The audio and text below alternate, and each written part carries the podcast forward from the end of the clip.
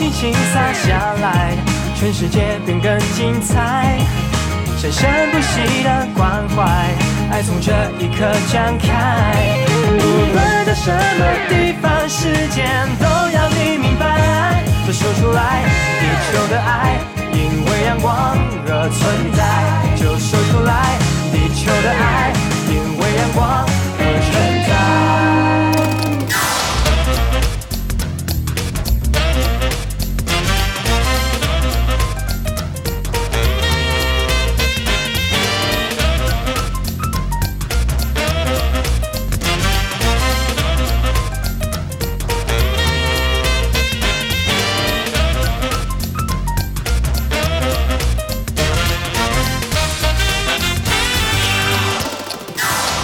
dan selamat datang semuanya di podcast Belajar Tionghoa Perantauan Belajar di Taiwan Berkembang Bersama Dunia Merupakan sebuah acara nih ya hasil kerjasama dari Overseas Compatriots Culture and Educational Foundation atau OCCEF bersama dengan Radio Taiwan Internasional Seperti biasa dengan saya Aditya Nugraha ya di sini sebagai pembawa acara yang mana di setiap episodenya nih Sudah menghadirkan ya beberapa pelajar nih ya, Tionghoa Perantauan di Indonesia yang bakal berbagi kisah ya dan juga informasi nih seputar pendidikan di Taiwan itu seperti apa. Dan pada episode kali ini ya teman kita yang dari CAI yang saat ini juga sudah tersambung melalui saluran telepon dan tanpa basa-basi yuk langsung saja kita kenalan nih dengan dia ya. Halo halo halo. Halo. Iya. jadi dengan siapa ini kalau boleh tahu? Eh, dengan Gun Seng Lee di sini. Iya. Dari mana nih kalau boleh tahu nih? Gun Seng Lee ya. Iya. Mhm. Eh, dari kalau dari Indonya, saya dari Kalimantan, Wih. tepatnya di daerah Pemangkat, Oh, di Kalima- bawahnya Singkawang. Wih, Kalimantan Barat ya berarti ya. Iya. Waduh. Dan kalau boleh tahu nih Gun Seng Lee ya, kamu udah berapa lama nih tinggal di Taiwan nih? Eh, hampir mau setahun sih kok. Hampir Eh, setahun. Bulan 8 ini satu tahun. Waduh mantep ya tinggal menghitung hari gitu ya satu tahun genap gitu kan jadi Iya. gimana dia rasanya hampir genap satu tahun di Taiwan gimana rasanya nih ada susah, ada seneng, ada nggak senangnya juga. aduh namanya juga merantau gitu ya baru tahu Iya. gitu kan aduh Iya. ternyata kerja itu mencari uang mencari nafkah itu susahnya gimana gitu ya segala macam urusan itu harus diurusi sendiri aduh susahnya minta ampun gitu ya tapi so far so good ya eh, Gun Seng Lee ya nggak ada masalah apa pun gitu kan selama ini ya iya iya. Oke. Sementara belum ada. Amin deh kalau bisa sampai lulus nanti itu lancar-lancar juga. Amin gitu ya. Amin. Oke deh, dan kamu tahu nih ya Gonseng ya, kamu itu sebelumnya di Indonesia itu udah bisa bahasa Mandarin belum sih? Di itu di Pemangkat sana? Belum sih kok. Cuman eh, pernah belajar aja di sekolah gitu kan, SD, SMP, SMA. Oh. Ya cuman kita yang nggak doyan bahasa Mandarin tidak mendalami terus tidak mendengarkan gurunya gitu. Oke, ini ini saya bisa tahu lah rasanya gimana karena saya dulu juga Iya. begitu. Saya juga Iya. sama dengan kamu kayak alah kenapa sih harus belajar bahasa Mandarin gitu kan? Wah, kalau Mm-mm. zaman dulu kan eh, bilangnya apa? Wah, harus bahasa Inggris gitu kan ya. Jadi kalau ada kelasnya bahasa Mandarin itu kalau gurunya ngomong apa ya pokoknya buruan deh selesai gitu ya ke kelasnya ya. Jadi nggak Iya, iya. terlalu mendalami gitu. Tapi kamu nyesel nggak waktu itu nggak belajar dengan baik-baik gitu? Sesampai di agak nyesel Taiwan. sih kok. Pas ke, pa- agak nyesel sih pas kita datang Taiwannya. Karena Oke. pada awalnya kan kita juga nggak mikirnya bakal datang sampai ke Taiwan juga gitu. Mhm. Oh jadi awalnya kamu itu nggak pernah kepikiran sekali eh, sekalipun gitu ya untuk datang ke Taiwan guna menempuh pendidikan gitu ya? Iya, soalnya saya datang Taiwan juga Aha. itu kayak memenuhi ke- ke- keinginan, keinginan Keinginan kamu orang sendiri? tua. Oh orang tua. keinginan orang tua. Kenapa? Apakah karena orang tua kamu sebelumnya pernah datang ke Taiwan juga atau gimana nih Gunseng? Enggak sih, dia cuman pengen aja lah anaknya ada yang ke luar negeri gitu kan. Oh. Terus kebetulan saya paling bungsu gitu kan. Oh gitu. Kamu yang paling kecil. Oke. Iya, Ke- paling eh, Emang kecil. berapa saudara ini? Empat saudara, dua Oke. cowok, dua cewek. Oke. Kemudian semuanya sisa tiga masih di, di eh, pemangkat sana, Eh, masih di Indonesia intinya gitu. Eh, duanya di, di Indonesia, satunya di Malaysia. Oh di Malaysia, di negeri jiran. Apalah awak Iya. cakap gitu ya. Jadi udah bisa bahasa Iya. Melayunya gitu. Soalnya kan di di pemangkat sana juga dikit-dikit gitu bahasa Melayunya. Oh iya juga ya, karena Mirip-mirip lah sama. mm-mm. Ah iya karena deket eh, itu kan karena ada perbatasannya Malaysia juga ya. Jadi kayak yang namanya bahasa Melayu itu kurang lebih tahu lah gitu ya. Ah, Iya. Oke oke. Dan waktu itu kenapa kamu nggak itu yang ke Malaysia kakak perempuan atau kakak laki-laki? Kakak perempuan. Nah kenapa kamu nggak ikut langkah kakak perempuan kamu ke Malaysia, melainkan ke Taiwan gitu? Eh, mungkin beda pemikiran ya kok. Kita kan punya jalan kita masing-masing. Dan- Niatnya kita masing-masing berbeda gitu. Oke dan kalau boleh tahu nih ya maaf nih bukannya mau kepo atau gimana ya. Eh, niat kamu datang ke Taiwan itu memangnya apa? Apakah kamu tahu Taiwan kelebihan Taiwan itu apa? Maka dari itu kamu memutuskan untuk datang ke Taiwan atau gimana? Eh, enggak sih, lebih ke ingin memenuhi keinginan orang tua aja. Oh, dari orang tua pokoknya maunya begitu ya. Oh, yang Iya. yang bahasa Melayu kakak perempuan udah bisa, udah gitu ya. Kemudian sekarang yang bahasa Mandarin ya udah adek aja pergi gitu ya. Oh, berarti ini orang tuanya yang sudah memikirkan ya masa depan anaknya itu bagaimana. Luar biasa. Dua jempol untuk orang tua kamu. Iya. Oke, Deda kalau tahu nih Gunseng, aduh, dari tadi udah ngobrol gitu kan kurang lebih 4 sampai 5 menit. Ini belum masih belum tahu ini kamu sekolahnya di mana nih? Aku sekolahnya di Wandeng Kongsang sih. Oh, Wan Nengkongsang yang ada di Ciai Di gitu ya. Ciai Suisang. Oke. Dan gimana nih perasaannya selama tinggal di Ciai? Weh. Hmm, kalau so far so good sih oke lah. Oke ya, so far masih oke lah gitu ya. Nggak ada masalah sama sekali. Kamu itu orangnya yang suka per- perkotaan atau yang perdesaan sih sebenarnya? Lebih ke pedesaan sih kok. Oh, jadi berarti Ciai ini udah pas gitu ya buat kamu ya. Nggak berisik. Iya. Nggak Oke, banyak oke. polusi juga. Oh bener bener bener karena di kota Taipei ini aduh kalau nggak mobil motor aduh ya sumpeknya itu luar biasa ya. Jadi memang ada kelebihan sama kekurangannya masing-masing gitu kan. Tapi itulah manusia ya nggak pernah puas gitu loh. Katakanlah ya orang-orang yang tinggal di perkotaan kalau libur mainnya ke mana? Ke pedesaan. Pedesaan. kalau orang pedesa yang tinggalnya di pedesaan liburan tinggal mau mainnya di mana? Di perkotaan gitu kan. Jadi kayak bolak-balik begitu terus ya. Ya begitulah namanya Iya. juga manusia gitu ya. Oke, jadi selama ini kamu eh, magangnya di mana juga? Di CI juga atau di tempat yang lain? Iya masih di daerah Ciai juga. Kalau Koko tahu di Fencihu. Oh, saya kurang tahu itu. Itu emangnya tempatnya ada yang terkenal apa nggak tuh? Di bawahnya Alisan. Oh, di bawah Alisa. Wah, Alisan Tekunya gitu ya. Oh, Iya, iya, ya. iya. Jadi hausan haus ya tinggal di sana ya. Maksudnya pada saat lagi magang itu bisa mencium apa? eh, cuaca udara Udara. yang segar gitu ya. Iya Kemudian iya. kata orang kan kalau orang Taiwan itu bilangnya hausan haus ya. Maksudnya gunungnya bagus, airnya juga bagus gitu kan. Udah bisa Iya. mencium ataupun menghirup udara yang segar, kemudian bisa minum air yang segar. Aduh luar biasa ya.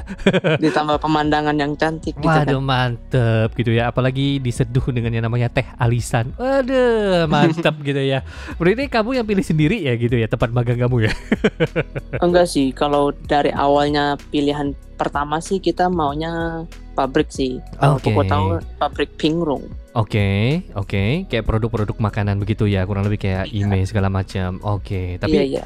Kenapa tiba-tiba kamu eh, bisa milih ke tempat yang magang ini Apakah memang sudah ditentukan oleh pihak sekolah Atau gimana? Yang sekarang lebih ke ditentuin sekolah sih kok. Oh, Soalnya sekolah. pilihan Oke. pilihan kita yang pertama tidak dapat karena tahun ini dia lebih milih ambil orang Vietnamnya tahun depan Oh, baru kita Indonya jadi oke. orang Indo kita nggak ada kesempatan buat masuk ke sana jadi harus rata lah gitu ya intinya ya. Iya, Jadi iya. kayak adil gitu kan karena yang untuk mengikuti program 3 plus 4 ini bukan hanya diikuti oleh pelajar Indonesia saja melainkan masih ada pelajar Vietnam ya mungkin masih ada Malaysia mungkin ataupun masih ada Thailand. Kamboja Kamboja iya dan juga negara-negara lainnya ya maka dari itu harus adil gitu ya bukan cuma wah Indonesia aja gitu ya pokoknya ya pokoknya harus adil gitu ya intinya ya dan Iya. Tapi selama ini kamu magang di sana itu merasa puas gak sih? Tadi kan udah bilang nih otomatis kan udah terpesona gitu kan dengan pemandangan apa Gunung Alisan ya berarti udah puas ya magang di sana gitu ya? Kalau kalau tempatnya sih puas. Oke. sama kerjaannya juga oke puas. Mhm. terus apa yang yang, kurang puas? yang kurang pas di iya, di kurang pasnya apa itunya aja sih. Di gaji kita aja kurang puas. Oh gitu. Oke soalnya di sini kita kurang kurang ada capan Oke, eh, ini bagus lah berarti ya. Jangan capan terus lah kalau bisa. Mesin aja bisa rusak loh gunseng ya, apalagi kalau manusia gitu. Mungkin pas lagi muda, iyalah namanya juga darah muda gitu kan. Wah gerakannya masih gesit gitu kan. Nah tapi kalau mungkin mudanya itu terlalu capek atau kayak gimana gitu kan. Nanti pas udah mulai menua ya faktor usia nanti aduh sakit sana sakit sini kan susah juga gitu ya. Tapi nggak apa-apa. Saya juga yakin mungkin untuk tahun pertama magangnya di sana, kemudian tahun kedua itu mungkin bisa pergi ke tempat yang lain lagi. Hitung-hitungan kayak pengalaman, cari pengalaman ya nggak sih? ya kalau kita mau ganti tempat magang kita lagi Mhm. mungkin sih ada kemungkinan bisa Iya, jadi mungkin saja dari Gunseng juga bisa langsung ngomong dulu ke gurunya ataupun eh, mungkin melakukan pengajuan pendaftaran dulu gitu kan untuk pengalihan tempat magang atau mungkin begitu gitu. Bisa nggak San? Bisa kan ya? Bisa bisa Nah, berarti harus eh, mengajukan pendaftaran dulu gitu ya. Oke, jadi tadi kurang lebih kayak tempat magangnya. Eh, kalau boleh tahu itu tempat magangnya kayak dari asrama segala macam udah disediakan oleh perusahaan kan ya? kalau Fencihunya ini kan Fencihu Tafantian kok jadi kayak Ah. hotel sama restoran gitu kan Oke. jadi kalau kita pekerja itu dikasih kamar ya ada kamarnya sendiri. Oke, jadi kamu ini ka- katakanlah tempat magang itu kayak di hotel gitu ya intinya. ya? Iya, hot Jadi kamu kerjanya itu di restoran yang ada di hotel. Wah, luar biasa. Jadi kurang lebih kayak nggak perlu takut panas-panasan lagi gitu kan. Karena Iya. AC-nya 24 jam gitu kan biasanya namanya Enggak, juga enggak. hotel. Kalau kalau kamar saya di sini nggak ada AC-nya. Oh iya nggak apa-apa. Soalnya di gunung juga dingin kan, sejuk kalau nggak salah. Iya kan? Iya, adem lah, nggak panas. Iya, adem gitu kan. Kalau kalau kita mah di sini aduh luar biasa ya, apalagi eh, cuacanya baru-baru ini kalau nggak 30 derajat ya 32, 34, kemudian sinar mataharinya yang menyengat. Aduh, gonseng ya. Tapi ya begitulah, ada plus minusnya gitu ya kan ya.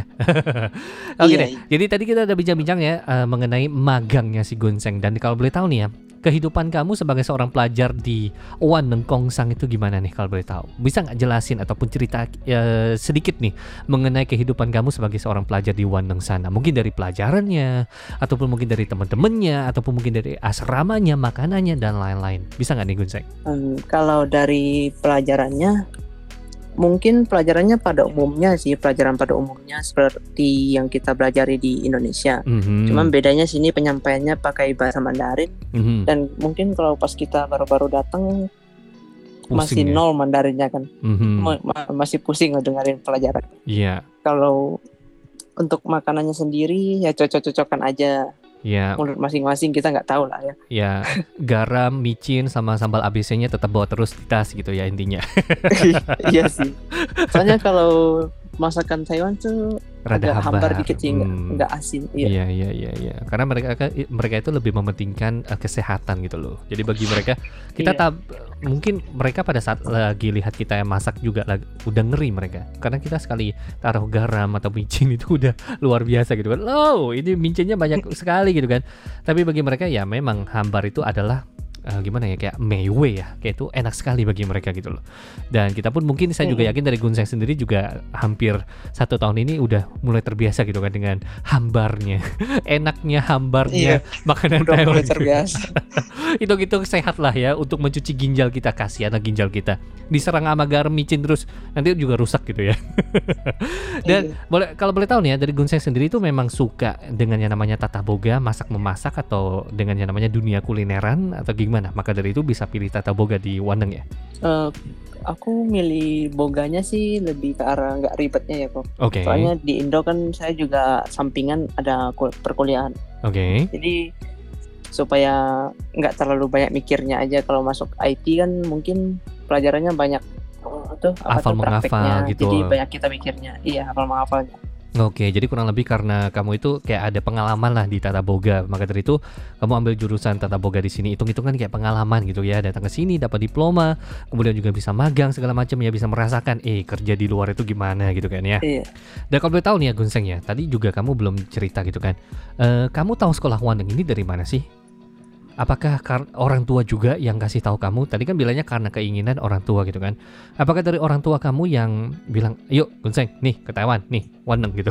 Atau gimana? Apakah kamu ada kayak melakukan penelitian nih, misalkan kayak di Google segala macam. Oh, wah, sekolah Wandeng itu letaknya di mana? Kemudian ada jurusan apa di program 3 plus 4-nya kayak gitu atau gimana tuh? Eh, saya tahu Wanang ini dari teman saya yang datang lebih dulu sih ke Taiwan. Oh, jadi dia Kemarin Uh-huh. iya disaranin beberapa sekolah ada A, B, C. Tapi gue sih pilihnya yang Wandang aja Oke. karena faktor biaya juga. Oke, jadi semuanya itu udah diperhitungkan ya intinya kayak gitulah. Melain- eh, meskipun memang direkomend dengan teman kamu yang kebetulan udah di Taiwan gitu ya. Dan sampai saat ini masih gimana nih penilaian kamu soal Taiwan, belajar di Waneng, kemudian semuanya hampir satu tahun ini gimana tuh?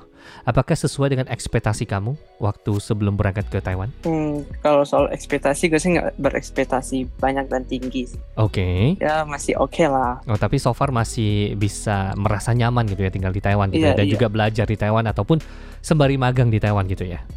Iya. Oke, dan kalau tahu- nyaman-nyaman aja. Wah nyaman, intinya nyaman gitu ya. Itu lebih penting tuh daripada kamu dapatnya banyak tapi nggak nyaman itu juga susah kan. Ujung-ujungnya jadi jadi kayak, kayak apa penyakit mental gitu ya. Iya. jadi intinya kalau udah merasa nyaman, oh otomatis ada kerjaan apa ya, ah, kemudian ada ulangan apa itu wah nggak masalah lagi ya. Dan kalau boleh tahu nih ya Gunseng ya, meskipun ini agak terlalu cepet nih nanya ke kamu ya. Dan kalau boleh tahu ya, nanti kamu abis lulus di sini, katakanlah kan di sekolah Wandeng ini, apa sih rencana kamu ke depan? Bakal balik ke Indo kah? Atau bakal lanjut lagi nih untuk kuliah dengan program 3 plus 4 ini juga? Kalau buat lanjut belum kepikiran sih kok.